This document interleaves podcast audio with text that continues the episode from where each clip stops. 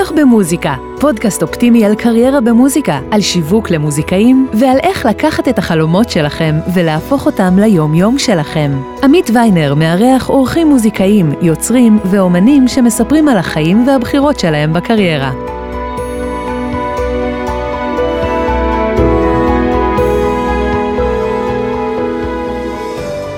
מתחילים. שלום לכל המאזינות והמאזינים. ברוכים הבאים לעוד פרק של הפודקאסט, להצליח במוזיקה. הפרק הזה מוקלט בתוך uh, המלחמה שבה אנחנו נמצאים כרגע, ואני חושב שהוא גם יהיה מעניין בהקשר הזה, גם כי יש לנו אורחת סופר מעניינת, נטע מימון, דוקטור נטע מימון, צ'לנית וחוקרת קוגניציה מוזיקלית, וגם כי המחקרים שנטע עושה והיא תכף תספר עליהם, קשורים גם למצב הנוכחי במובן של ההשפעה של המוזיקה על המוח. אז קודם כל נטע, תודה רבה שהגעת, איזה כיף שאת פה. תודה שהזמנת אותי.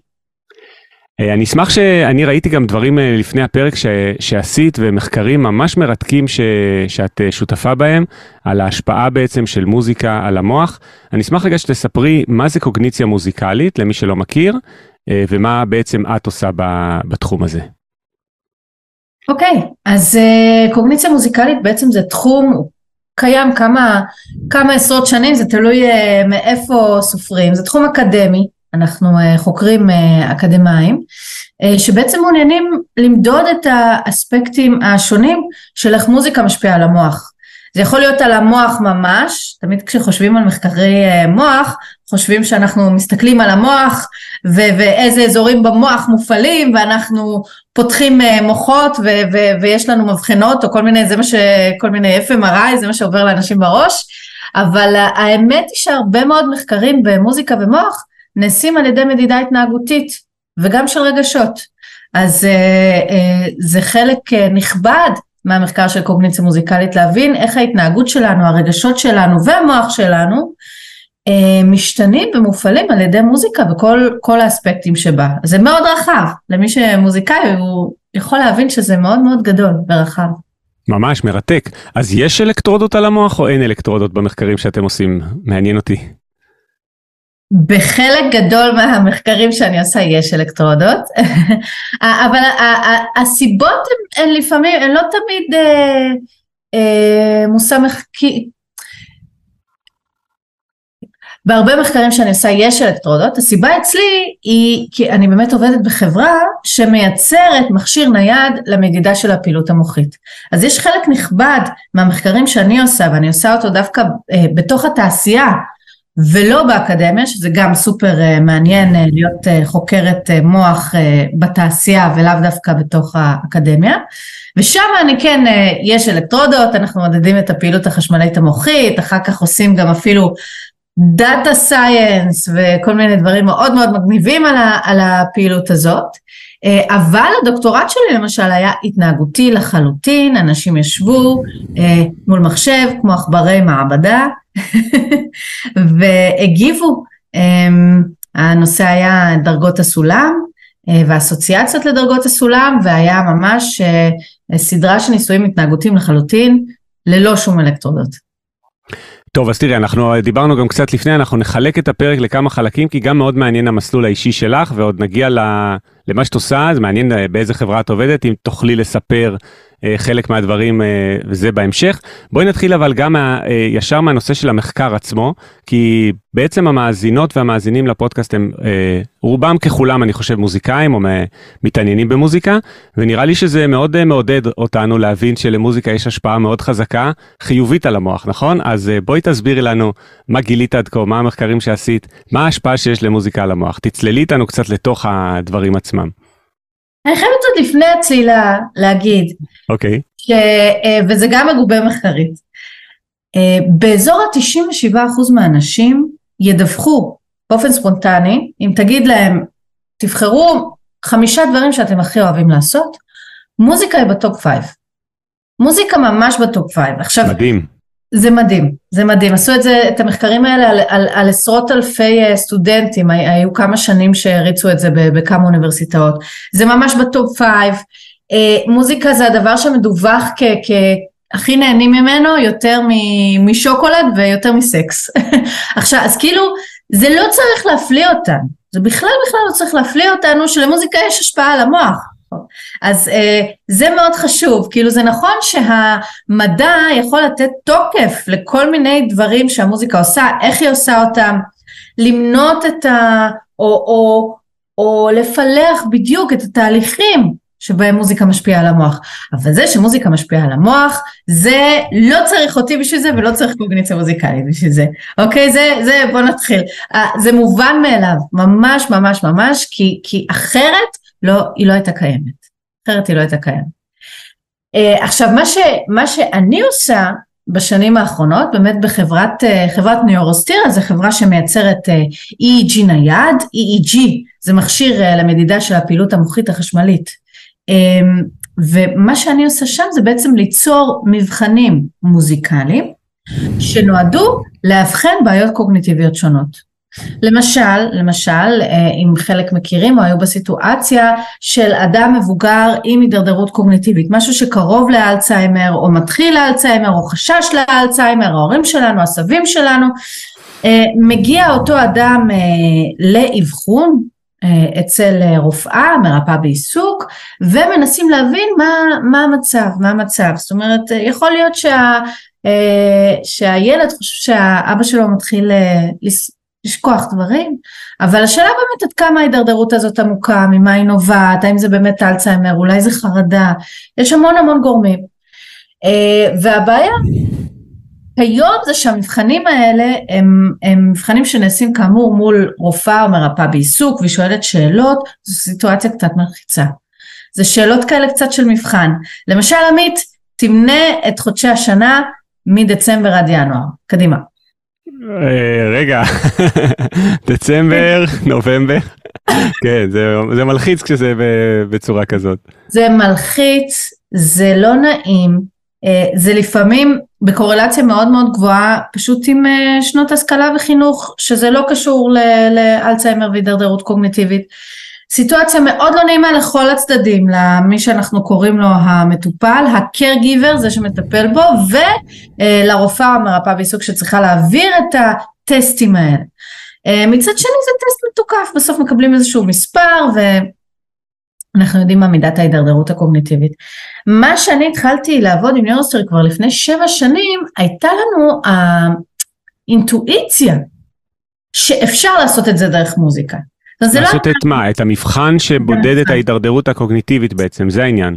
כן, mm. כי בעצם, בעצם יש לנו כלי שמודד את הפעילות המוחית ואנחנו יכולים to extract, להוציא uh, את הפעילות המוחית בצורה מאוד uh, טובה, מדויקת, מעניינת, יש פיצ'רים, Machine Learning, כל הדברים הכי מגניבים. אבל בסופו של דבר יש לך גם בן אדם שצריך לעשות משהו תוך כדי שאתה מוציא את הפעילות המוחית שלו. אה, עשירה ומגניבה ככל שתהיה. ולפרופסור נתן אינטרטור, מייסד אה, ניורוסטיר, הייתה אינטואיציה להבין שבזמן שהם עושים את המדידה הזאת, שמוציאים את הפעילות המוחית, אפשר בהחלט להשמיע מוזיקה. ו- ומוזיקה, מכיוון שהיא יכולה לעשות מגוון של דברים, היא יכולה להפעיל, היא יכולה להרגיע, היא יכולה לאתגר מוחית, היא יכולה להלחיץ גם לפעמים, אז בגלל כל היכולות האלה שלה, הייתה לו אינטואיציה להגיד, אני רוצה שהמדידה והמבחנים ייעשו אה, על ידי מוזיקה. איך? אה, ממה שאת יכולה לספר, אל תספרי את הסודות כן. של החברה, זו חברה מסחרית, אבל מה, טוב, מה שאת יכולה לספר בקיצור. אם את לא יכולה זה גם בסדר. זה בסדר. בסופו של דבר לקחנו ממש, אה, עשיתי דברים מאוד מאוד פשוטים. יצרתי מבחנים ממש פשוטים, תלחצו כשאתם שומעים X, תלחצו כשאתם שומעים Y, מוזיקה מרגיעה לעומת מוזיקה יותר אקטיבית, דברים די פשוטים. בוא נגיד שבה, אה. שהמנחה שלי לדוקטורט לא היה... לא היה מאשר את זה כל כך בקלות, כי המטרה שלי הייתה לעשות מבחן מוזיקלי, מאתגר, מרגיע, כזה שיביא את הפעילות המוחית לכל מיני מצבי uh, קיצון במרכאות, uh, לא עד כדי כך, כן? ושתהיה קצרה 15 דקות. בואו נקביל את זה לסטרס טסט, למאמץ, uh, מדידת מאמץ על ההליכון של הלב. אני לא יודעת אם uh, uh, עשיתם את זה או אתם יודעים את זה, אז כשרוצים uh, לבדוק את הפעילות הלבבית, אז שמים אנשים על הליכון ואומרים להם ללכת יותר מהר, יותר לאט, מאיצים, מאיטים, המטרה היא באמת לראות איך הלב מתמודד עם, אה, אה, עם שונויות מאמץ, אה, עם, עם מאמץ משתנה. אה, וזה מה שעשיתי על ידי מוזיקה, אפשר לתת אה, משימה שהיא נורא פשוטה, פשוט תלחצו כשאתם שומעים מה, ש, מה שלא קורה, ויכולות להיות משימות יותר מסובכות. תלחצו רק כשאתם שומעים מנגינה שנוגנה ככה וככה וככה. הטריק הוא שזה אמור להיות אה, מועבר לאנשים שהם לא מוזיקאים, mm. זה לא לוקח שום דבר בחשבון, אתם אפילו לא צריכים לדעת איך נשמע כינור כדי לעשות את המבחן הזה, אה, ולימים מה שהכי היה מעניין זה שהבנתי, אה, הבנתי ש, שיש למבחנים האלה המון המון כוח שלא חזיתי אותו מראש. כי התוצאות של, ה, התוצאות של הניסויים שעשינו והמאמרים שפרסמנו הראו שבאמת כאשר אנשים עשו את המבחן המוזיקלי והוצאנו מהם את הפעילות המוחית, איזשהו מדד בפעילות המוחית היה בקורלציה מאוד גבוהה לציון שניתן בטסטים הרגילים. זאת אומרת הצלחנו על ידי בחינה אובייקטיבית ומוזיקה להוציא מדד שהוא מקביל לטסט המאוד מלחיץ והלא נעים וזה שצריך דורש, אה, דורש שלושה אנשים בתוך חדר. אבל לימים הבנתי שבאמת הגדולה של הדבר הזה, בכלל מבלי שחשבתי על זה, זה שכשאנשים עשו את, את המבחן המוזיקלי, הם היו במצב אופטימלי לבצע מבחנים. מה זאת אומרת? הם היו מצד אחד טיפה מעורערים, כי זה כזה מצב של אה, מבחן וטסט ואתה קצת כזה מעורער, ומצד שני הם גם היו במצב רוח טיפה טוב, כי בחרתי בגירויים מוזיקליים נעימים ונחמדים. מוזיקה יפה. מוזיקה יפה, מוזיקה נחמדה. אתה יודע, מוזיקה, אה, אם אנחנו מוזיקאים, מז'ור וטיפה מהיר, זה הכל, זה כל מה שצריך כדי טיפה. עכשיו, למה אני אומרת את זה? אולי אה, חלק מהמאזינים שמעו את הדבר הזה שנקרא מוצרט אפקט, אפקט מוצרט. אז אפקט מוצרט זה משהו שהתגלה בשנות התשעים, אה, סוף שנות התשעים, אמ, וזה אפקט שראו שאנשים אחרי שהם אה, האזינו ליצירה של מוצרט, ספציפית הסונטה לשני פסנתרים. אמ, אה, זאת היצירה שעליה מבוסס המוצרט אפקט? אני לא ידעתי את זה. כל כן. ה Baby Mozart שמשמיעים לתינוקות עוד ברחם זה בגלל הסונטה לשני פסנתרים? זה הרבה יותר גרוע מזה, הרבה יותר גרוע. רגע, אז תמשיכי, אוקיי. מה שקורה זה שבאמת הם גילו שאנשים אה, אה, טובים יותר מבחני אינטליגנציה ב-X אה, נקודות אחרי האזנה למוצרט שני פסנתרים. זה שלוש, שלוש, אל תתפוס אותי במילה, יכול להיות. עכשיו, באמת עשו מזה המון מטעמים. זאת אומרת, קודם כל היה אה, אה, פרץ של מחקר על ה Mozart effect ואיך מוצרט הופך אותנו לחכמים, ומהצד השני באו החברות המסחריות באמריקה, ו Baby Mozart, Baby Einstein, בואו נשמיע מוזיקה קלאסית, זה הופך אותנו לחכמים. הבעיה היא שלא חכמים ולא נעליים, ואין שום, שום קשר למוצרט, אין קשר למוצרט. מה שהבינו, מה שהבינו, שפשוט המצב הרוח, מצב הרוח האופטימלי לבצע מבחנים, הוא בדיוק מצב הרוח שציינתי קודם, מעט עוררות ומצב רוח מעט חיובי. ולכן, כל יצירה וכל שיר וכל דבר, כמו לאכול קובייה של שוקולד, היה מוביל אותך למבחן יותר טוב. שיביא אותך למצב, כן, כן, אתה פשוט תהיה יותר טוב.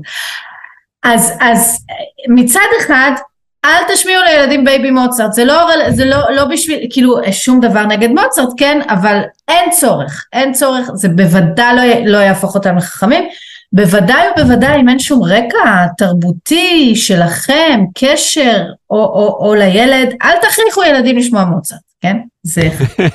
שלא לדבר על איך שבייבי מוצרט בעצם נשמע, זה לא מוצרט, זה מוצרט בצ'לסטה כזאת, מאוד איטית, זה לא מוצרט המקורי, זה, זה... עיבודים אה, קיצ'יים בטירוף.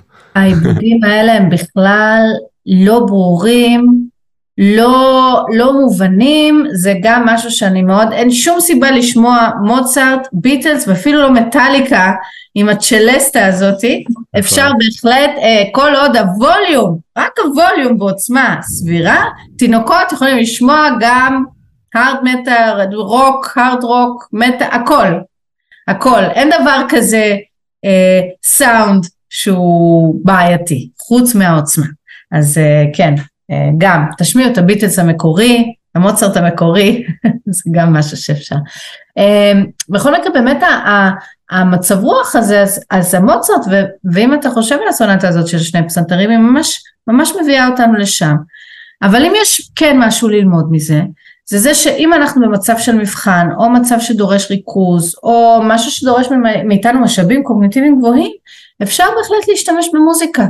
להקשיב למוזיקה שהיא טיפה מעוררת, וכן על הצד היותר מז'ורי שלה, אה, יביא אותנו למצב האופטימלי הזה.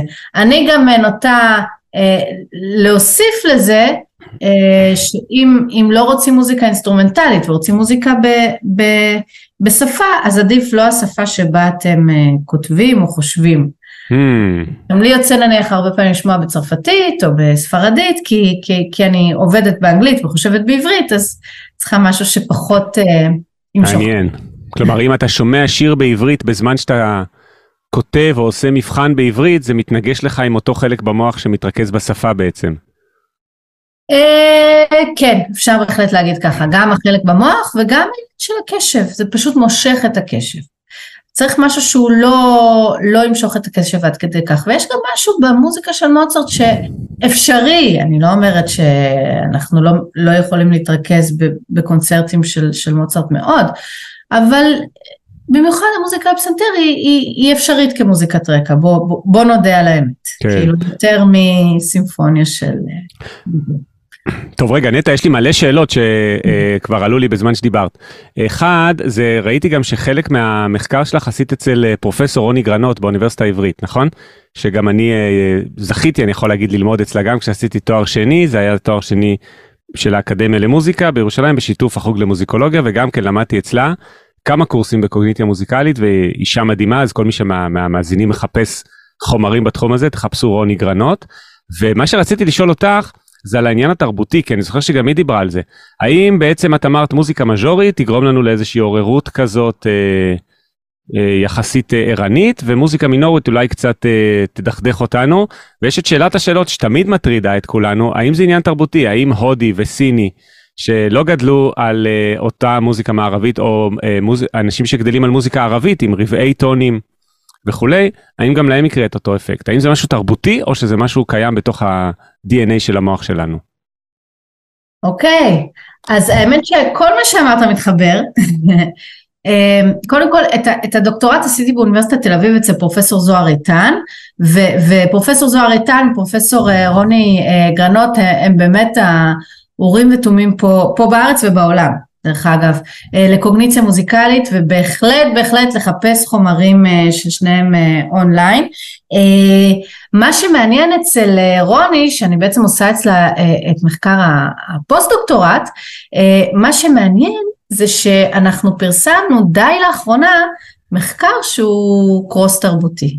זאת אומרת בדיוק מה שאתה דיברת עליו, אנחנו עשינו מחקר על מרווחים עם ובלי רבעי טונים, וכיצד הם נתפסים על ידי מאזינים שהם אה, אה, אה, יהודים ישראלים או ערבים ישראלים.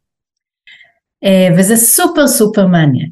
עכשיו, לשאלת השאלות, אם נתחיל בגדול, האם אה, אה, אה, מוזיקה במז'ור עושה אותנו טיפה יותר שמחים, מינור קצת יותר עצובים, ו, והאם זה יפעל גם על ההודי, הסיני וכולי? אז התשובה היא כן. אבל, וואלה. אבל לא, בגלל, לא בגלל מה שאתה חושב. כן, אבל לא, התשובה היא כן, אבל לא. התשובה היא כן, סביר להניח שבאופן יחסי, גם זה, זה, זה דבר נורא נורא גס, מה זה מוזיקה במז'ור? אם אתה מנגיד את זה בצורה מספיק טובה ומספיק גסה, אז כל, החל ילדים, החל מגיל 7-8, וגם ואולי לפני אם הם מאזינים ומוזיקאים, ומאזינים בכל העולם יגידו לך, זה שמח, זה עצוב. אה, אה, בחלק זה גם יצליח לעורר את הרגש שמחה בעצם. עכשיו למה זה בכל העולם? לא מכיוון כמו שלאונרד ברנשטיין אה, רצה להוכיח שהמוזיקה המערבית והטונליות היא ב, בלב הטבע ו- ו- וככה העולם ודרכו של עולם וזה ה- זה, זה הטבע ואנחנו נולדים עם זה, לא. הסיבה היא אה, היסטורית, קולוניאליסטית אם תרצה. המוזיקה המערבית פשוט השתלטה על כל העולם. זאת אומרת אין, אה, אה, איך אנחנו אומרים, אין בן אדם בעולם שלא שמע את מדונה. יש uh, תמיד סיפור שאנחנו, שאני נוהגת לספר בהקשר הזה, וזה שהיה אנתרופולוג שנהג, וכל הזמן שוכחת את השם שלו, לא חשוב, נהג, אה, אה, מושא המחקר שלו היה השבט הכי נידח באמזונס. וכשהוא היה מגיע, הוא בשביל לעשות מחקרים, אתה נותן איזשהו trade אה, בתמורה. וכל פעם שהוא היה מגיע, מה הם היו מבקשים ממנו? והיו מבקשים ממנו קסטה של מדונה או דיסק של מדונה. לא שוקולד ולא קפה טוב כזה, קפה טורקי עילית. תראה, טורקי עילית בטוח, לא אני חושב שבאמזונס יש דברים יותר טובים מזה, אבל... הקפה שם הרבה יותר טרי, זה בטוח, כן. כן אבל אה, אה, היה להם איזה tape recorder. וואו. ואתה אומר, מדונה הגיעה עד לשם. המוזיקה המערבית, עכשיו ברור, אתה לא יודע מה הסיבה והמסובב, בוודאי שהרוב היסטורי תרבותי למה המערב השתלט ככה. ייתכן וגם הטונליות המערבית, השפה המוזיקלית המערבית, אולי יותר פשוטה, אולי זה כמו אנגלית, זה שילוב. אנגלית היא, היא, היא, היא, היא גם השפה של המערב, אבל היא גם יחסית פשוטה, אני לא יודעת, כן? זה דברים שאי אפשר באמת להפריד אותם. אז uh, מה הסביבה ומה מולד? לא, מז'ור זה לא דבר מולד. אנחנו לא נולדים עם ההבנה שמז'ור זה שמח ומינור זה עצוב, זה לא הטבע. הטבע אולי כן יגדיר לנו קונסוננס לעומת דיסוננס, וזה מה שעשיתי עם, עם, עם רוני. זאת אומרת קונסוננס ודיסוננס כן יש בו משהו שהוא פיזיקלי ממש בגלים, זה נוגע ל roughness, אה, אם מישהו מכיר את המושגים של הסאונד, roughness, או, או harmonicity, זה דברים שהם כן אה, בטבע, הקול האנושי שלנו, הקול הוא הרמוני, הוא מורכב מגלים ותדירויות שהיחס ביניהם הוא היחס של שורת הצלילים העיליים, ולכן יש דברים שהם יותר טבעיים ופחות טבעיים. Uh, uh, קונסוננטים הם כביכול יותר טבעיים ויותר קרובים להרמוניסיטי של הקול האנושי. אה, לעומת אה, דיסוננטים וזה גם מה שעשינו במחקר הנגדנו כן נשמע טוב הנגדנו כן. הנגדנו. הנגדתם? תן. הנגדנו קונסוננסים לעומת דיסוננסים וביקשנו מהנבדקים שלנו לדרג אותם במידת הקונסוננטיות, דיסוננטיות אה, וגם להשתמש במלל חופשי ומה שעניין אותנו ספציפית כי האמת היא שזה מאוד מרתק בהקשר של המקום שאנחנו נמצאים בו ובפרט ירושלים אה, שיש בו באמת אוכלוסייה שגיאוגרפית חיה באותו מקום, אפילו אם תחשוב על האקדמיה למוזיקה אז בכלל, חיים באותו מקום מוזיקאים, הטופ של הטופ אה, של גילם, חלקם גם בעולם, אה, ומחציתם מתעסקים בטונליות מערבית ומחציתם מתעסקים במקאמאת במוזיקה הערבית. וזה נורא מעניין לבדוק את התפיסה איך התפיסה שונה גם של נאמר המרווחים המערביים וגם הערביים. ומצאנו כל מיני הבדלים מאוד uh, מעניינים דקים אנחנו לא היינו בטוחות אם זה נוגע בגלל התרבות ואיך עונים על סקרים זה מאוד מעניין. מאוד מאוד מעניין וזה ממש קצה קצה של קרחון שאנחנו ממש אה, נשמח ואנחנו נעשה את זה אה, אה, להגדיל אותו ולהרחיב אותו כי, כי, כי כן, אגב, אגב הימים שלנו, זאת התרבות שלנו, היא, היא, ממש, היא ממש באמצע בעניין הזה ו, וזה מושא מחקר מרתק לבדוק את העניין של השפעה של, זה לא, זה תרבות בעצם, או כמה אני מאזינה ומקשיבה למקמת ואיך, מה זה עושה לי בהאזנה למוזיקה ערבית או מערבית, זה מרתק. טוב תראי כל משפט שאת אומרת עולות לי מלא שאלות. זה הולך להיות פרק של שלוש שעות אני כבר מכין את כל המאזינים כי אמרנו שיהיה בו גם את הפרק ש... את החלק בתוך הפרק שמדבר עלייך ועל הקריירה שלך. אבל רגע את ממש כל פעם כשאת אה, כל אה, כזה חלק שלך, את שוברת פה איזה פרה קדושה. בהתחלה שברת לנו את כל המוצרט והבייבי מוצרט, ואת כל זה שמוצרט הופך אותנו לחכמים ומאושרים יותר, ועכשיו שברת את כל העניין של uh, טונליות ומז'ור מינור זה משהו uh, מולד בתוך ה-DNA של המוח שלנו. אז רגע, על זה יש לי כמה שאלות, וגם היה לי עוד קודם שאלה שאני בינתיים זוכר אותה. אז חכי רגע. מעניין אותי להבין, את אמרת שזה בעצם לא מולד, העניין של אה, טונליות בכלל, נכון? של, אה, נסביר שנייה למאזיניות ולמאזינים, טונליות זה אומר שמוזיקה מושכת למרכז טונלי מסוים, שיש איזשהו צליל שהוא החשוב ביותר והמוזיקה תמשוך אליו וכנראה גם תסתיים בו. אה, ומוזיקה טונאלית זה נגיד כל היצירות הקלאסיות, מוצרט, היידן, בטהובן, ברמס וכולי, וגם כל המוזיקה הקלה ששומעים, אה, כמעט כל מה שיש מוזיקה מסחרית זה בדרך כלל יהיה טונאלי. ואת אומרת שכל העניין הזה, גם מז'ור מינור וגם הטונאליות, זה לא, אה, נקרא לזה, קיים בתוך המוח שלנו ב-DNA שלו, זה משהו שהוא נרכש תרבותית. תראה, בוא, בוא נפריד. יש טונאליות מערבית, mm-hmm. שהחוקים שלה הם ספציפית מז'ור, מינור וכל טילי טילים של ערימות של תיאוריות שנכתבו על אה, כל... כל מה שאני מלמד ביום יום, בקיצור באקדמיה, אוקיי, כל הכללים האלה של התיאוריה וההרמוניה, נכון? שזה דברים שהם אה, נרכשים אה, כמובן עם הזמן, ואנחנו נוטים להגיד שאזור גיל 7, 9, גם מהאזנה פסיבית, פשוט התהלכות בעולם שלנו שמלא במוזיקה מהטונאלית המערבית, אתה, אתה פחות או יותר תבין את החוקים, לפחות בשביל אה, אה, להבין את הדקויות ההרמוניות שנמצאות בשירי פופ, אוקיי? אז זה לא סופר סופר אה, מורכב, אבל כן. עכשיו, האם טונאליות כבסיסה, שזה אומר אה, אה, שכל דבר שאנחנו שרים, כותבים, מנגנים, הוא יוצא מאיזשהו צליל שהוא המרכזי ואליו אנחנו חוזרים, זה תכונה שהיא יותר בסיסית. זה עוד לפני ערימת החוקים המערבית. יש לנו את ההבנה הבסיסית הזאת שכשאני שרה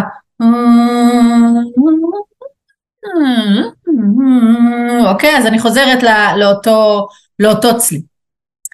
אה, הדבר הזה, ובכוונה ניסיתי לשיר משהו שהוא לא בטונליות מוגדרת, אם שמת לב, כן. אבל לא חשוב, לא בטוחה שהצלחתי. הדבר הבסיסי הזה הוא משותף לרוב, או, או, או, או אם לא כל, אה, לא רוב, אה, תרבויות, התרבויות המוזיקליות בעולם. אני מאמינה שהוא דבר יותר בסיסי ולכן הוא נרכש יותר מוקדם. האם אנחנו גם נולדים עם זה? לא. מה את אומרת? אנחנו גם אמרת קודם על מה שליאונרד ברנסטיין אמר, שכל הספר שלו, חדוות המוזיקה, זה על זה שהטונאליות היא כמו עם האדמה, זה משהו שאנחנו בסיסטם אצלנו, כמו שאנחנו אוהבים את האדמה כי אנחנו בני כדור הארץ, ככה גם הטונאליות, זה כזה אמל"ק למי שלא קרא את חדוות המוזיקה של ברנסטיין. זה בסדר, אני, אני, אז זה, זה, זה לא אומר שזה לא נכון, אנחנו פשוט, זה לא בטוח שאנחנו נולדים עם זה, זה, זה שני דברים שונים. אוקיי, אז תסבירי. גם, גם, אהבת, גם אהבת האדמה, אני לא יודעת כמה אני, כ, אולי כתל אביבית שגדלה על בטון, כמה אני אה, אה, אה, אוהבת את ה... זה בסדר להגיד שזה נרכש ולא מולד, זה לא אומר שזה פחות חזק, mm. זה לא אומר שזה פחות עוצמתי, זה לא אומר שאנחנו פחות רגישים לזה, פחות אוהבים את זה, חלילה. פשוט צריך לשים את הדברים על דיוקם ולהגיד, תינוק לא עם זה, עם מה תינוק נולד, עם מה תינוקות נולדים, mm-hmm. עם היכולת להבחין בין גבהי צליל שונים. זה כן. זאת אומרת ההבדל בין אוקיי? זה כן משהו שאנחנו נולדים איתו.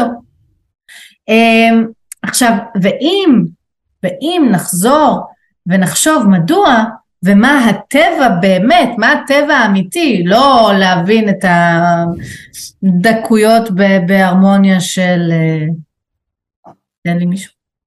היידן, איך פותרים, כלומר לא הדקויות של איך פותרים אה, חמישית בהיפוך סקונד לראשונה, לא הדברים המאוד מפולפלים של התיאוריה המוזיקלית. גם לא רק המפולפלים, גם לא, אנחנו לא נולדים עם מטרה, לא מטרתנו כ- כ- כ- כבני אנוש להיוולד ולהביא את עצמנו למצב שנוכל ליהנות מגם ההרמוניה בשירים של אה, ליאונרד כהן. Hmm. המטרה תמיד האבולוציונית, תחשוב, היא הישרדותית. אנחנו נולדים עם היכולת להבחין בין צלילים שונים, למה? אה, כדי לשרוד, והקול הראשון שאנחנו שומעים אותו זה הקול של אימא, והסאונד שלה, ואנחנו צריכים מאוד מאוד להבין בדקויות של הקול האנושי. קודם כל להיות רגישים אליו, זה הסאונד שאנחנו הכי רגישים אליו, כמו שפרצופים הוא אחד הגירויים הוויזואליים שאנחנו הכי רגישים אליו. אז קודם כל אנחנו נמשכים לקול, אנחנו רגישים לקול, אנחנו מומחים בקול האנושי. אנחנו רוצים לדעת את הדקויות בקול כדי להבין קודם כל אה, את הפרוזודיה אמ, או את הרמזים שלא נמצאים במילים לגבי מה שאומרים לנו. אנחנו רוצים להיות רגישים לסאונדים של הסביבה כדי להיות דרוכים אם בא אריה לטרוף אותנו. אז אנחנו, הסיבה שאנחנו נולדים עם הרגישויות האלה היא לא בשביל הטונאליות. בסופו של דבר אותם מנגנונים שעובדים כדי שנבחין בקול האנושי והאם אימא עכשיו היא, היא שרה לנו שיר ארס או שהיא כועסת עלינו אה, ו, והסאונד הזה שבחוץ אה, האם אנחנו צריכים לפחד ממנו או להימשך אליו אותם מנגנונים הם אלה שבסוף עוזרים לנו לפתח רגישות לפטירת אה, קדנציה אצל, אה, אצל היידן. תקשיבי זה קודם כל זה ממש מרתק זה כל פעם כשאת מדברת עולות לי עוד שאלות נראה לי שבאיזה גלגול אחר הייתי צריך להיות חוגר קוגניציה מוזיקלית זה פשוט כל כך מרתק אני זוכר גם כשלמדתי אצל רוני אז בתואר השני כמה כל הדברים האלה עניינו כי זה בעצם לקחת את מה שאתה עושה ביום יום ופתאום להבין מאיפה זה מגיע ועד כמה זה באמת אצל כל העולם ועד כמה זה מולד ועד כמה זה נרכש אז רגע ולגבי מרווחים שאמרת קודם אה, מעניין אותי לשאול אותך אה, שוב על זה אז אמרת שמרווחים. דיסוננטים וקונסוננטים זה דווקא כן אה, בעצם נולדים איתו נכון ואולי רגע נסביר אז נגיד מה סקונדה קטנה נכון שזה נגיד חצי טון בעצם ממש נולדים עם התחושה שזה משהו שהוא צורם הרי דיסוננס זה בעצם משהו שהוא צורם ודורש פתרון זה משהו שממש נולדים איתו הוא ברחם כבר אנחנו איתו. כן, תראה, קודם כל, קודם כל השמיעה מתפתחת אה, בחודש השישי להיריון, אז זה לא מן הנמנע שניוולד אמ. עם כל מיני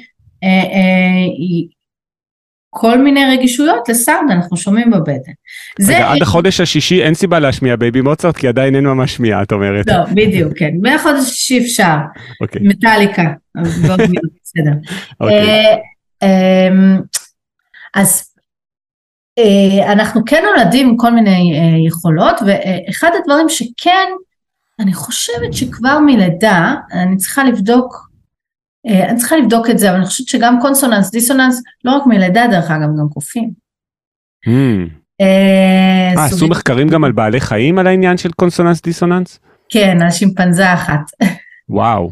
כן, כן, וממש רואים שזה אה, עניין מולד. עכשיו, קונסוננס ודיסוננס זה מרתק, האמת אני יכולה מאוד מאוד להמליץ לכם על קורס ב Coursera שהוא חינמי, אה, בדיוק, רגע, Purves, קוראים לו אה, לפרופסור Purves, וזה ממש קורס מדהים, אה, אה, שמסביר למשל, ב, ב, יש לו כמה פרקים, כמה שיעורים ממש על הנושא של קונסוננס דיסוננס ומהי הסיבה האבולוציונית, פיזיקלית, מתמטית, שאנחנו בכלל דיסוננס, שזה כמו סקונדה שהיא לא נעימה, שני צלילים מאוד מאוד קרובים, למה הם פחות נעימים לעומת אוקטבה. שזה המרווח הכי זך. אה, וזה מצחיק כי אותנו למשל לימדו את הסיבה הפיתגוראית, נכון? פיתגורס הלך וחילק מיתר, ככה לימדו אותך? נכון, כן, כן, כן, שהוא שמע פטישים אצל הנפח אה, שמקיש על אה, מתכת, וכשהפטישים הגודל שלהם היה הפרשים בעצם של כפולות שלמות, אז היו נוצרים המרווחים הזכים, כי נגיד 2 ל-3 יוצר קווינטה, אני כבר לא זוכר בדיוק את כל המרווחים, אבל. המרווחים הזכים נוצרים מכפולות שלמות, וסקונדה קטנה אתה לא יכול ליצור בשני פטישים שהם בכפולות שלמות. אז, אז כן, אז פטישים המיתר, אתה לוקח את המיתר, אתה מחלק אותו, דרך אגב, אם אתה מסתכל על, על צ'לו, אז, אז כשאנחנו אה, לוחצים עליו בח, בחצי, או בחצי של החצי, או בחצי של החצי של החצי, יש פלאז'ולטים גם. יש שם את המקומות האלה שאתה יכול לא ללחוץ. אה, עכשיו, ההסבר הוא באמת, אם היחס הוא יחס פשוט בין חלקי המיתר, נוצר קונסוננס כמו אוקטבה שזה 1 ל-2, זה חצי, קח מיתר, חלק אותו לחצי, זאת האוקטבה שלך. לעומת 11 ל-2 שזה, שזה נניח אה, אה, סקונדה אני חושבת. אה, עכשיו אבל הדבר הזה הוא נכון, אבל זה לא ההסבר. זה לא הסבר, הוא, הוא, הוא, הוא מפיל כל הסבר, ההסבר המתמטי, ויש את ההסבר הפיזיקלי, שזה שורת צלילים העיליים, והנושא של הרפנס, roughness זה באמת כשאתה לוקח שני גלים והם בהתהפכות, זה ממש משהו פיזיקלי, אז אם יש יותר התהפכויות ביניהם נוצר מין כזה כזה. וככל שיש יותר roughness, אז באמת הצליל הוא יותר דיסוננטי, אבל הוא בסוף מגיע לזה שבעצם ההסבר הכי טוב ללמה הקונסוננט הוא נעים ודיסוננט הוא לא, וזה משהו שאנחנו ממש נולדים איתו ואפילו משותף לנו ולפרימטים אחרים, זה העניין של הרגישות לקול האנושי. זה לפחות מה שהוא אומר לגבי בני אדם. כי הקול האנושי מורכב מתדירויות של שורת הצלילים העיליים בעוצמות שונות. Mm-hmm. ובתוך, אם אנחנו ניקח, וזה מה שבסוף עשו, לקחו אה, אה, מין מחסן כזה של עשרות אלפי הקלטות של הקול האנושי, ומיפו את הספקטרום ואת היחס בין התדרים השונים, אתה רואה שמרווחים קונסוננטיים בתוך הספקטרום, בתוך אותו צליל, אני לא מדברת על התזוזה בין צליל לצליל, אבל בתוך הצליל עצמו יש הדגשה של המרווחים הקונסוננטיים יותר מאשר הדיסוננטיים. אז אם אנחנו כל כך רגישים לקול האנושי ושומעים את הקול האנושי ומומחים בקול האנושי, אזי שאנחנו נהיה יותר קרובים, או זה יישמע לנו יותר טבעי, המרווחים הקונסוננטיים לעומת הדיסוננטיים. וואו, מדהים. כלומר, בעצם המרכיב של הצלילים העיליים בתוך הקול האנושי, שזה הדבר שאנחנו הכי אה, רגישים אליו וזה הדבר הכי חשוב לנו בכל מה שקשור למוזיקה ולכל מה שקשור לאודיו, המרכיבים של הצלילים העיליים בקול האנושי, זה מה שמכתיב לנו בעצם את ההגדרה לקונסוננס ודיסוננס. זו, זאת התיאוריה, כן, כן, בהחלט. אה, זה וואו. משם, משם אנחנו כמובן מתפתחים, מגיעים ל... ל, ל אתה יודע, להעריך את התזמור של רבל, אבל, כן. אבל הבסיס, הבסיס, בסיס, בסיס, כנראה ששם. וואו. טוב, זה ממש מרתק. אה, אני רוצה שאלה אחרונה לחלק הזה של הקוגניציה המוזיקלית, כי לי יש עוד המון. אה, אני ראיתי איזשהו סרטון של ה-BBC שמראה שכששומעים מוזיקה מאוד מרגשת, המוח ממש מוצף בדם. היה איזה חוקר, והעליתי את זה ממש לפני איזה שבוע בפייסבוק, ובהקשר לתקופה הנוכחית, שאני אשמח שבתשובה גם תקשרי את זה לתקופה הנוכחית. את בעצם, יש עכשיו הרבה דיבור על זה שמוזיקה וההשפעה החיובית שלה על המוח יכול uh, מאוד לעזור גם בכלל, לכולנו כרגע, שאנחנו נמצאים באיזה טראומה, uh, ובכלל גם לאנשים שנמצאים ממש uh, אובייקטיבית באיזה פוסט טראומה בעקבות כל האירועים האלה. אז האם את גם מכירה את העניין הזה שמוזיקה מרגשת ממש מציפה את המוח בדם? האם זה חלק מהעניין של האפקט החיובי שיש למוזיקה על המוח? ואם לא, אז תספרי על הדברים שאת מכירה בתחום. אז uh, ספציפית המחקר הזה של אדם, זה אני פחות uh, מומחית, זה גם, זה גם איזושהי בדיקה שהיא, שהיא קצת אחרת. אבל אני יכולה להגיד, אני אגיד את הבוטום ליין, אני אגיד את הספוילר בנוגע של, למוזיקה ומוח.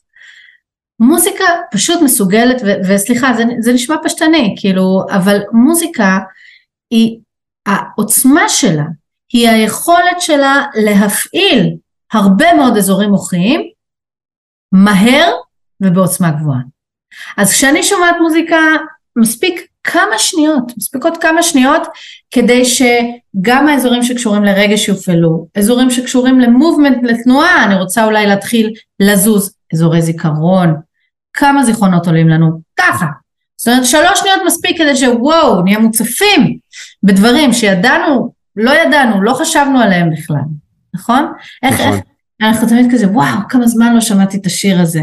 זה לא שנזכרנו במתי שמענו את השיר הזה, זה כל, כל, הכל עלה כרגע, הכל צף כרגע.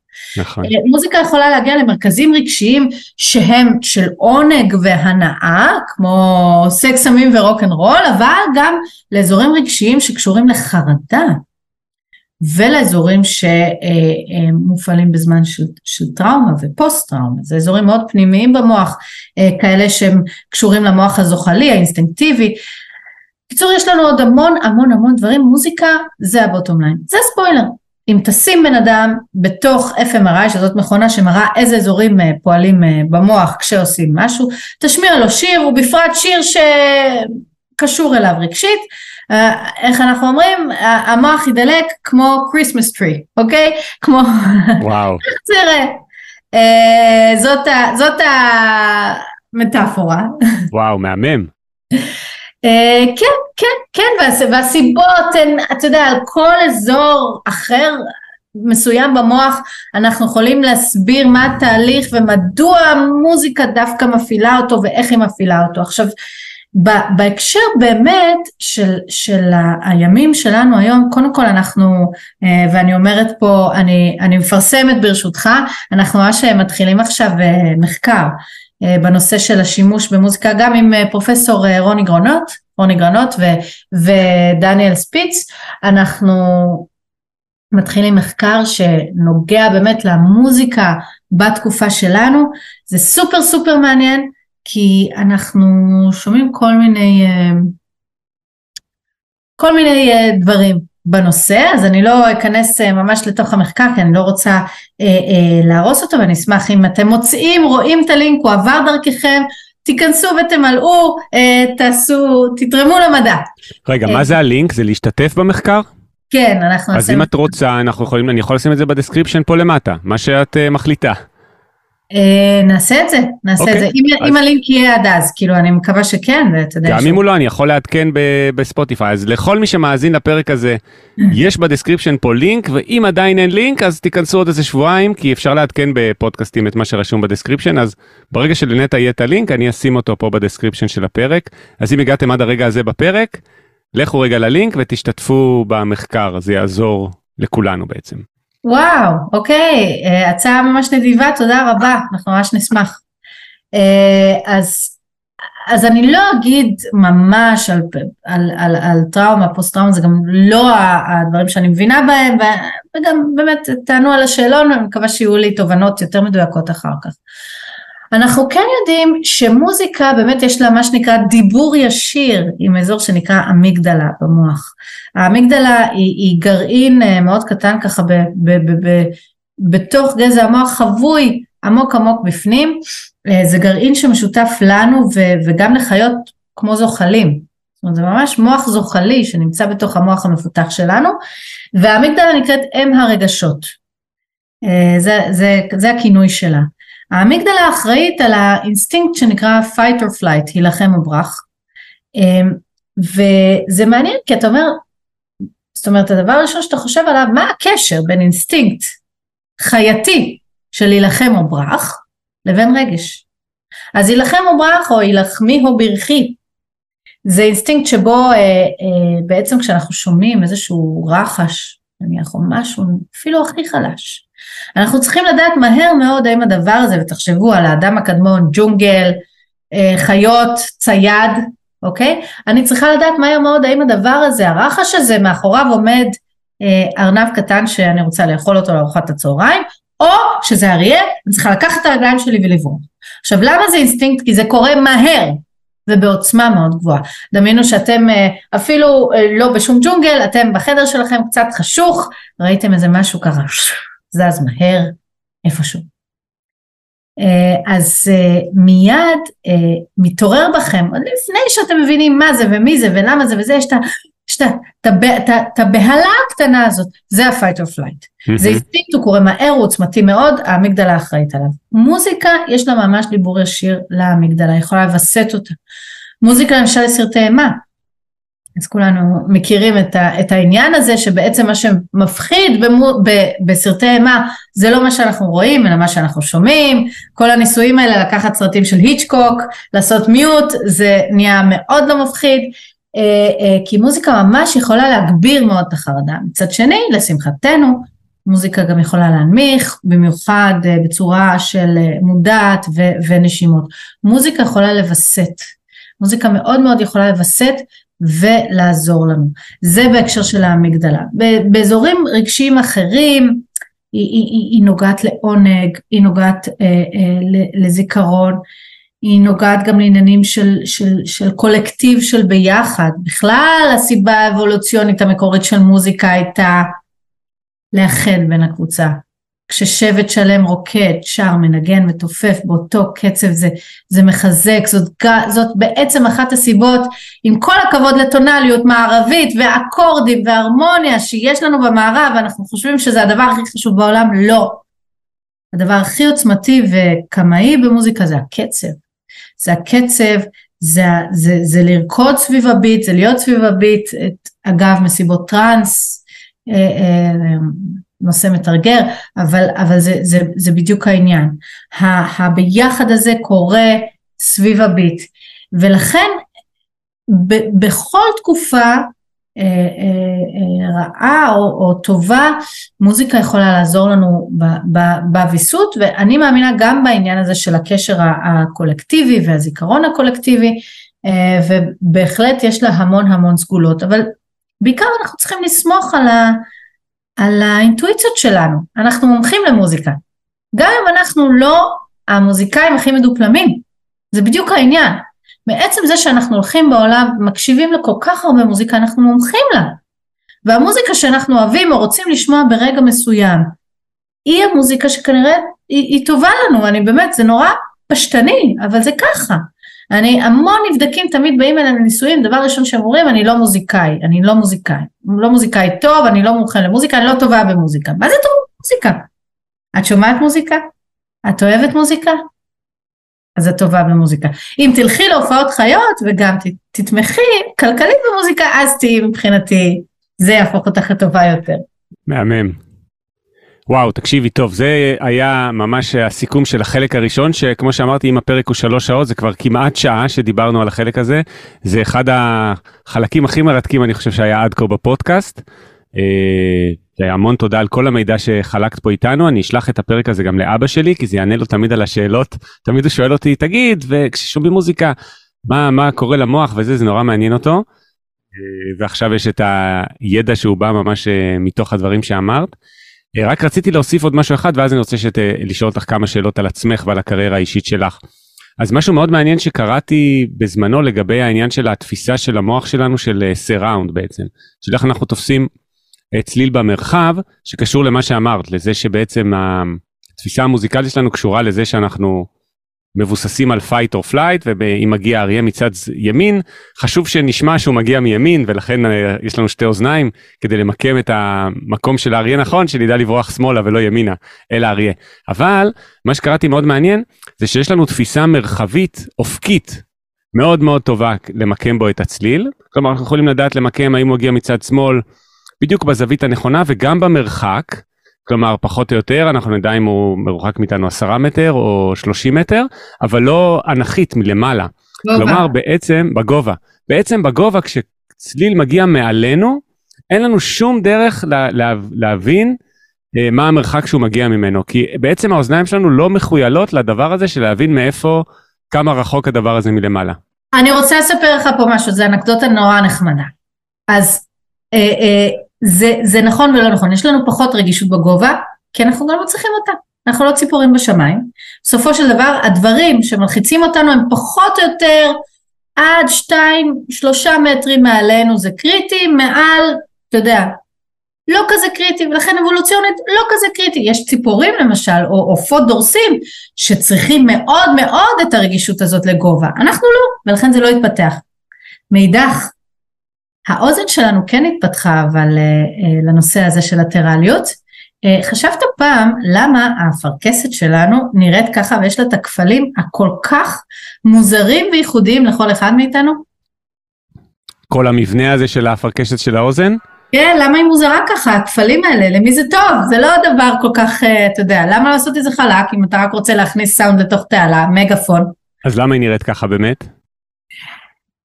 זה, זה, זה בדיוק הנושא של הגובה. תחשוב על זה שכשצליל, אה, אם הוא מגיע מלמעלה, לעומת מגיע מלמטה, אז גל הקול נשבר אחרת אם הוא מגיע מלמעלה, או מגיע מלמטה. מדוע? כי הוא פוגש בכפלים שהם קצת שונים אחד מהשני.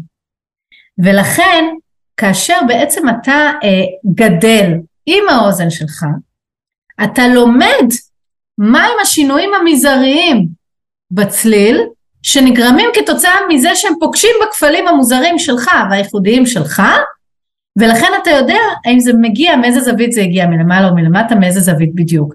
איך, איך יודעים את זה? עשו ניסוי, שמו לאנשים ממש פקקי סיליקון כאלה שהשטיחו להם את, ה, להם את הכפלים.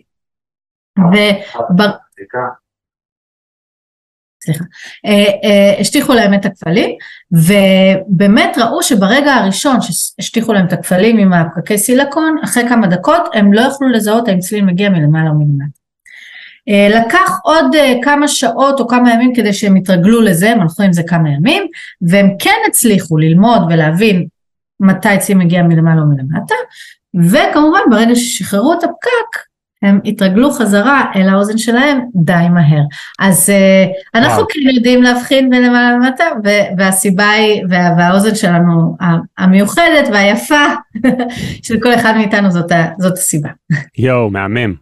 טוב, ועכשיו נדבר עלייך, על נטע. אז בעצם את uh, התחלת כצ'לנית באקדמיה, למדנו אפילו ביחד, וגם ניגנת, ראיתי שניגנת כצ'לנית עם uh, דודו טסה, נכון? לתקופה מסוימת. אז איך בעצם מצאת את עצמך בתחום הזה של אה, קוגניציה מוזיקלית, ומה את יכולה להגיד לאנשים שאולי מתעניינים, אנשים או נשים שמתעניינות בתחום הזה? אוקיי, okay, אז אני ממש שמחה ששאלת את זה, במיוחד כי אני יודעת שהמאזינות והמאזינים שלך הם, אה, הרבה מהם הם אה, מוזיקאים. אז אני התחלתי את דרכי כצ'לנית, מה שנקרא קלסיקאית על מלא, התחלתי לנגן בגיל שמונה ובית ספר אה, לאומנויות ותלמי אלין והיחידה לקשתנים צעירים אה, של משכנות שאננים. ממש כל, ה, כל החגיגה. מאוד לקחתי את זה ברצינות קרן שרת ממש ממש ממש הכל. יחד עם זאת במהלך התיכון אפילו שהייתי בתלמי אלין והגברתי עשר יחידות מוזיקה אה, גם לקחתי אה, מתמטיקה ופיזיקה. אה, זה השאיר אותי בבית ספר עד, עד שמונה כל יום, אבל יחד עם זאת, זה ממש הרגשתי שזה היה, שזה היה חשוב, שזה היה תורם, שזה היה טוב.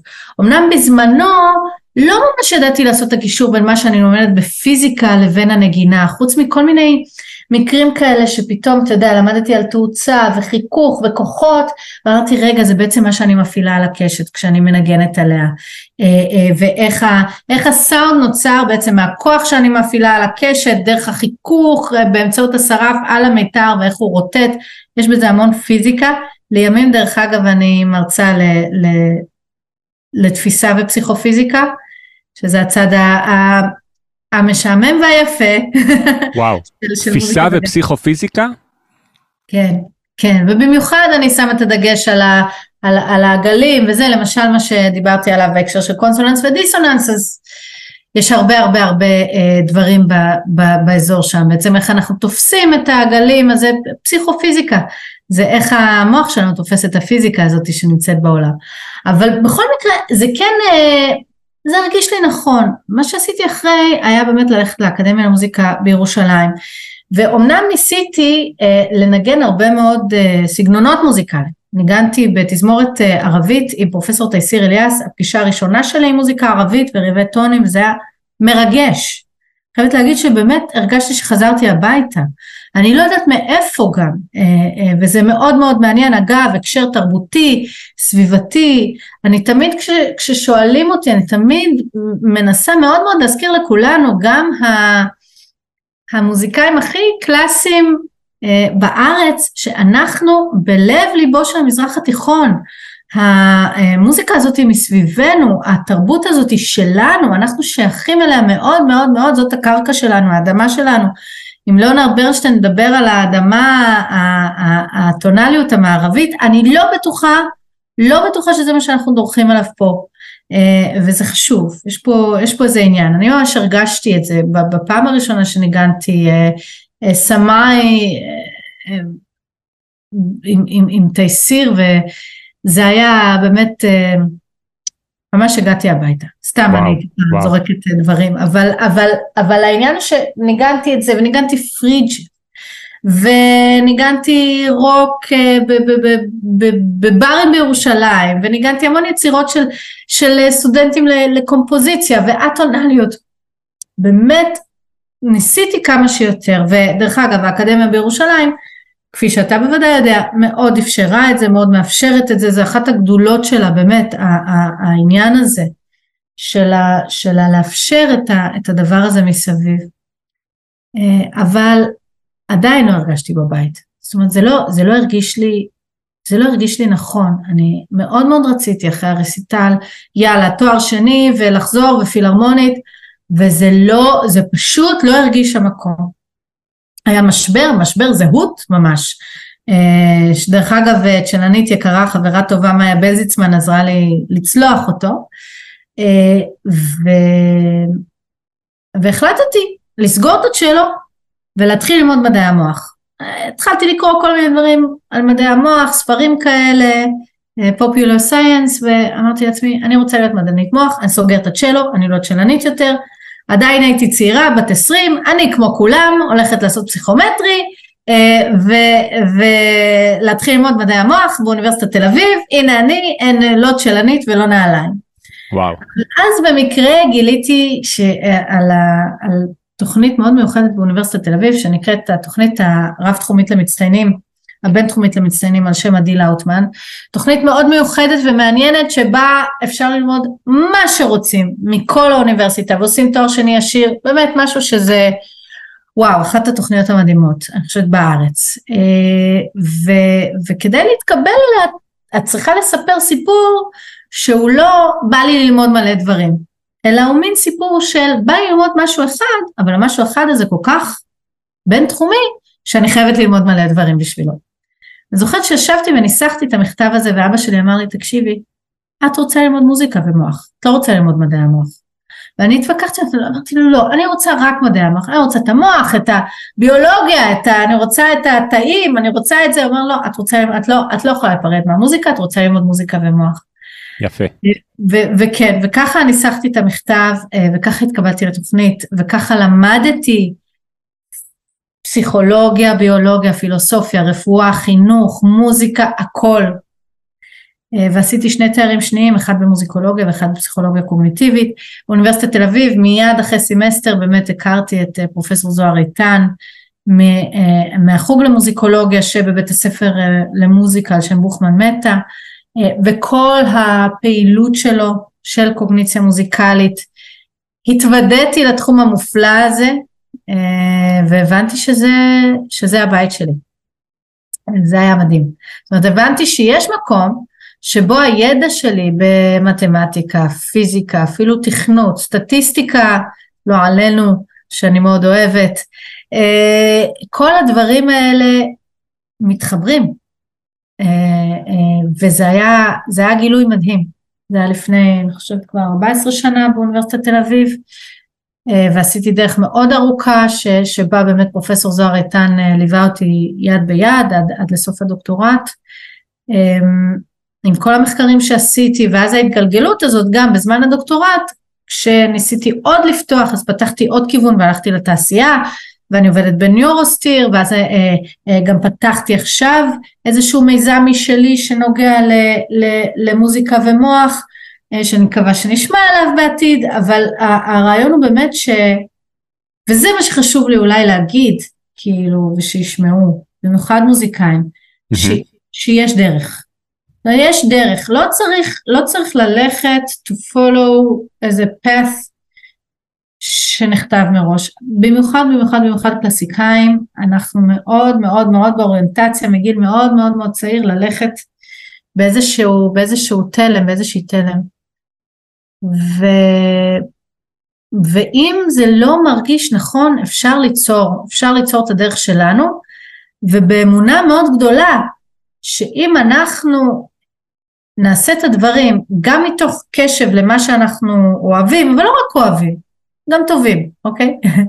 טובים בו, מבינים בו, רוצים אותו, אנחנו נמצא, נמצא את הדרך אמ, גם להצליח בו, נכון? נכון איך זה להצליח במוזיקה. ככה הפודקאסט נקרא, כן. להצליח במוזיקה, פודקאסט אופטימי על קריירה במוזיקה, לגמרי. כן, כן, כן, כן, ואני חושבת ואני בטוחה שזה גם בוטום ליין של רוב מי שאתה מדבר איתו. אה, אה, כי הרעיון הוא באמת לפלס לעצמנו את, ה, את הדרך שלנו מתוך הבנה מאוד ברורה איפה התשוקות שלי, אבל גם במה אני טובה, והדברים יכולים להתחבר, במיוחד בעולם שלנו, הדברים יכולים להתחבר. אבל, אבל, לא לפחד לעשות הקרבות. כשאני סיימתי את, ה, את הרסיטל, בגיל 20, אמנם המשכתי לנגן 12 שנה עם דודו טסה, ואני עדיין מנגנת, פותחת את הצ'לו בהרצאות וזה, עשיתי הקרבה, אמרתי, אוקיי, כל הדרך הזאת שהלכתי בה, לא, אני לא אהיה נגנית בפילהרמונית, אני לא אסתובב ונגן בצוותא 11 ו-11, זה לא יהיה, זה פשוט, זה לא יקרה, וויתרתי. ויתרתי על החלום הזה.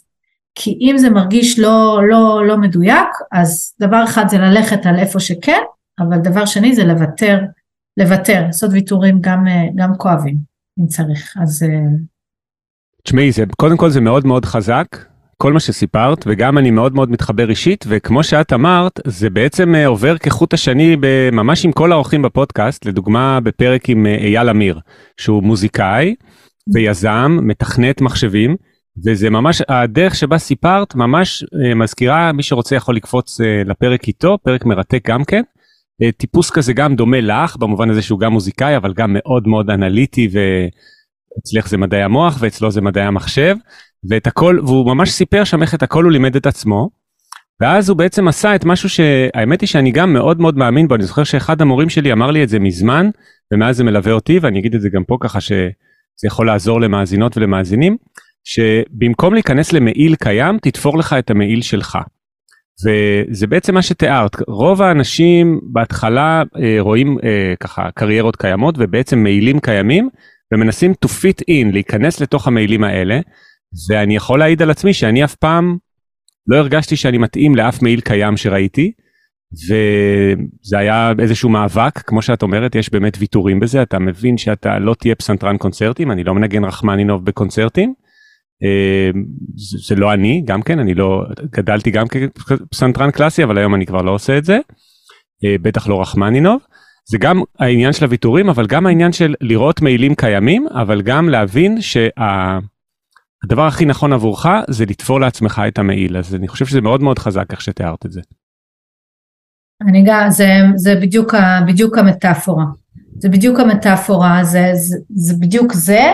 אני כן רוצה להדגיש פה, במיוחד בנושא של מוזיקה ומוזיקאים, שיש פה גם עניינים אמוציונליים וחלומות ו, וזה, אני בכל זאת, יש להגיד, אישה ריאליסטית, איך אמרת, אנליטית, אמ, וצריך לראות את הדברים גם נכוחה.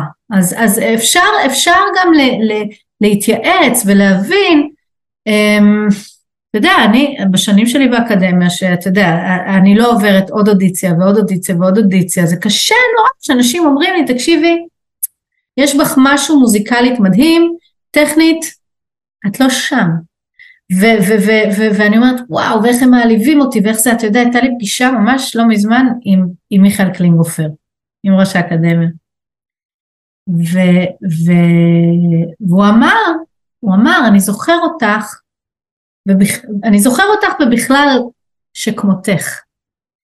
זה ה... היול... היהלומים הבלתי מלוטשים, שאנחנו, התפקיד שלנו כמחנכים, זה לעזור להם להתלטש. שבפנים יש משהו, צריך לעזור לו להתלטש.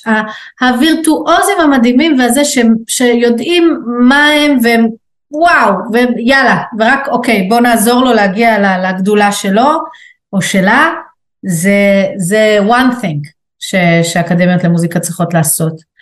אבל גם בצד השני, מי שבא כשהוא לא, היה לא בלתי מלוטש, זה היה מאוד...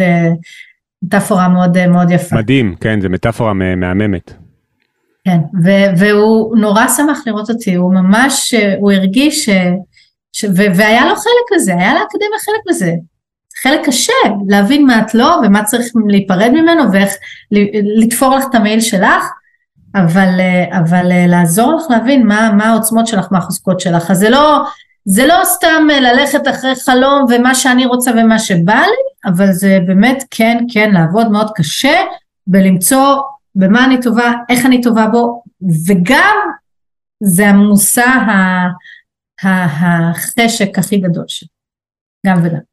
וואו, איזה, אני חושב שזה ממש מהמם לסיכום הפרק, גם המוטפורה הזאת של יהלום בלתי מלוטש היא נורא חזקה בעיניי, כי רוב בני אדם הם יהלומים בלתי מלוטשים, אנחנו לא, לא נולדים מלוטשים.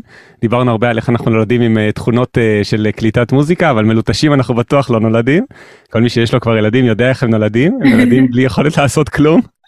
חסרי אונים לחלוטין, מלוטש זה מאוד לא מה שהם. Uh, ואני חושב שכולנו יהלומים בלתי מלוטשים, אני חושב שזו מטאפורה מאוד מאוד יפה, ובאמת אני חושב שהתפקיד של כל מי שמלמד מוזיקה הוא באמת uh, לעזור בעניין הזה, כלומר לא להנחית על התלמיד את מה שאתה המורה חושב שצריך לקרות לו, אלא כמו שהמשפט בתנ"ך אומר, חנוך לנער על פי דרכו, כל נער בדרכו שלו. אה, נטע, אז באמת לסיכום, היה פרק ממש מרתק, היינו יכולים לדבר עוד אה, מלא מלא זמן גם על הקוגניציה וגם על הקריירה אני מרגיש. ממש לסיכום, האם יש לך עוד uh, טיפים? אני תמיד שואל את זה כזה את האורחים, טיפים למוזיקאים לגבי הקריירה שלהם, דברים שאת למדת בתוך הדרך שלך שעשית, זה יכול להיות במה לא לעשות, אבל זה גם יכול להיות במה כן לעשות. טיפים שאת מרגישה שחשוב לך לסכם איתם. מעניין. טיפ בנוגע דווקא לקריירה, אני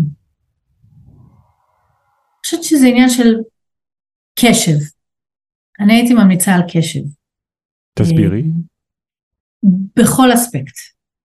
גם כשאנחנו יושבים ומתאמנים על הדבר הכי טכני, החל מזה, ועד לסיטואציה שבה אנחנו בתחרות ושופטים אותנו ונותנים לנו הערות, אה, בכל רגע ורגע להיות מאוד מאוד קשובים לעצמנו ולבחוץ ולתחושות שלנו ולנסות מאוד לדייק את מה שאנחנו עושים בעקבות הקשב הזה.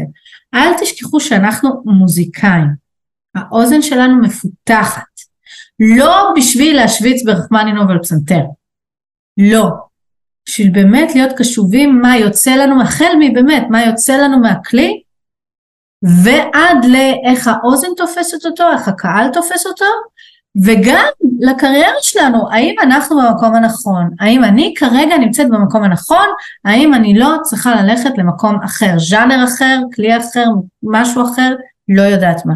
זה כן עניין של קשב, אנחנו כן מוזיקאים, אל תשכחו את זה, אנחנו בני אדם, כבני אדם אנחנו אמורים להיות קשובים.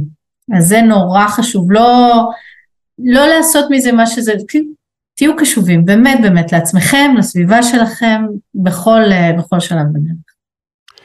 איזה יופי. תהיו קשובים ותהיו גאים בזה שאתם יהלום בלתי מלוטש, את מה שנקרא תאהבו את הבלתי מלוטשות הזאת שלכם זה מה שיעזור לכם למצוא את המעיל האישי שלכם ובאמת את ה... זה עוד משהו שנורא מתחבר אני כן חייב להגיד את זה כי זה מתחבר להרבה דברים שאני נורא מאמין בהם מה שתיארת גם על המסלול שלך וגם על מה שפרופסור מיכאל קלינגהופר שהוא נשיא אקדמיה היום אמר לך שאני חושב שסיפרתי על זה גם בפרק עם אייל אמיר. אני חושב זה על הנאום המפורסם של סטיב ג'ובס בסטנפורד אני לא יודע אם יצא לך לראות. אה, מאוד מומלץ ולמי שמהמאזינות מאזינים לא ראה לכו תחפשו. אני יכול לשים פה ב description. זה בעצם ה commencement הנאום שהוא עושה שם כזה ל graduation לאלה שמסיימים תואר. כולם שם לבושים בגלימות בסטנפורד וגם הוא עצמו הרי הוא לא, הוא לא בוגר של אף אוניברסיטה הוא dropout הוא נשר מאוניברסיטה ועדיין זה, זה סטיב ג'ובס. והנאום הזה התפרסם מאוד בין השאר בגלל מה שהוא אמר על connecting the dots. הוא אמר שכל הנקודות בחיים שלו בסופו של דבר התחברו עצם זה שהוא למד איזה קורס קליגרפיה באיזושהי אוניברסיטה בקליפורניה, לפני שהוא נשר מהאוניברסיטה, הפך את הפונטים במק, במקינטוש, להרבה יותר יפים. למה? כי הוא היה מאוד מאוד uh, רגיש לפונטים ולקליגרפיה. והוא נתן עוד דוגמאות כאלה, שכל הנקודות בחיים שלו בסופו של דבר התחברו, אבל בזמן הווה, בזמן אמת, הוא לא ידע מה, איך הנקודות יתחברו בעתיד. אז uh, אני חושב שגם איך שאת תיארת את זה, הצ'לו ומה שאבא שלך אמר לך, הצ'לו וההתעניינות בפיזיקה ובקוגניציה, הנקודות בסוף מתחברות אה, אצל כולנו, אבל בזמן אמת אתה לא תמיד יודע איך הולך להיראות החיבור הזה. ולכן אתה צריך להיות קשוב כל הזמן, כי אתה לא יודע.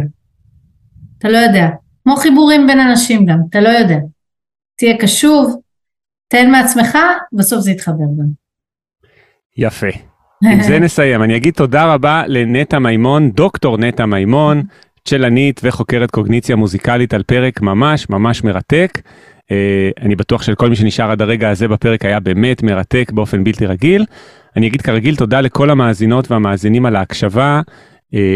אנחנו עדיין נמצאים בתוך המלחמה, אז אני אגיד שאני מקווה שאתם בטוב ושכל היקרים והאהובים עליכם בריאים ושלמים.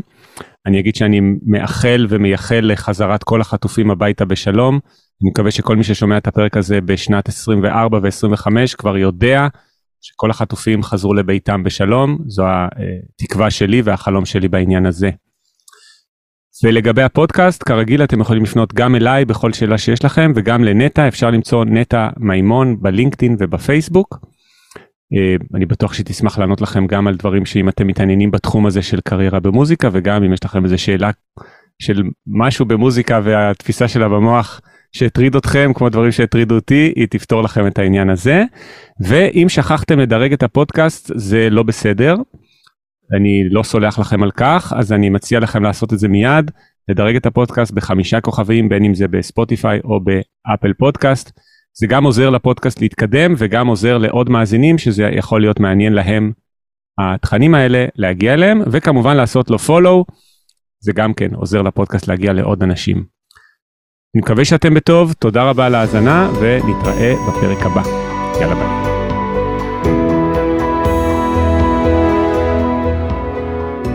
להצליח במוזיקה, פודקאסט אופטימי על קריירה במוזיקה, על שיווק למוזיקאים ועל איך לקחת את החלומות שלכם ולהפוך אותם ליום-יום שלכם.